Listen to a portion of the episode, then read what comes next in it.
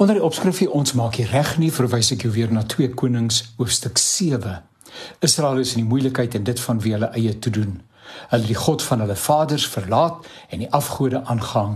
Ahab, seker een van die boosaardigste konings wat daar ooit was, se seun is nou die koning, maar Arkie na sy vaartjie, nog meer van dieselfde.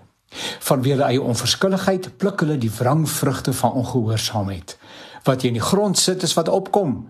Dit geld vir die natuurlike en dit geld ook vir die geestelike. Uitgehonger en desperaat wag die volk van die Here op die dood, 'n hongerdood wat hulle sonder sonder twyfel gaan oorrompel. Vier melaatses sit buitekant die laar.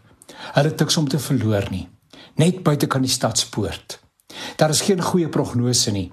En so besluit hulle om by die vyand, die Arameese soldate self te gaan aanklop vir hulp. Die kans is nul dat hulle die besoek gaan oorleef, maar dood is dood en dit kan nie erger nie. In die kamp aangekom vind hulle die vyand het op die vlug geslaan en alles net so gelos. Hulle smil na hartelus met uh, dit wat hulle in die tent vind en lê beslag op 'n aantal kosbarehede. Sjoe, ek kan net indink hoe die manne weggelê het aan die soldate se rantsoene. So doen hulle by die volgende tent aan en vind dit ook leeg met die voorgereg agter kom hulle nou by die hoofmaal en die nagereg uit. En dan begin hulle onder mekaar te gesels. En daar vind ons hierdie merkwaardige woorde in die Bybel, 2 Konings hoofstuk 7 vers 9. Hulle sê toe vir mekaar: Ons maak nie reg nie. Vandag is 'n dag vir blydskap en ons bly stil. As ons wag tot ligdag, sal ons beslis gestraf word. Kom ons gaan vertel dit by die paleis van die koning. Die boodskap vertaling sê dit so mooi, maar toe het hulle vir mekaar gesê: "Eintlik maak ons nie reg nie. Hierdie is baie goeie nuus, maar ons het dit vir niemand vertel nie. As ons dit tot môre vir onsself hou, kan dit dalk iets slegs met ons gebeur.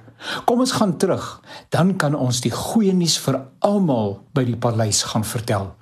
Ons maak nie reg nie. Dit is 'n dag van goeie nuus.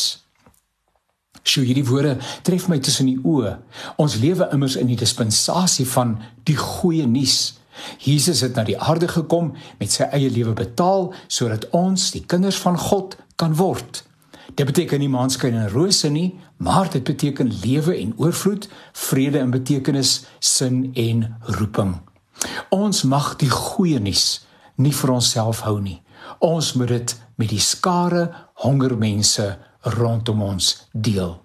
Om daaroor stil te bly sal nie reg wees nie.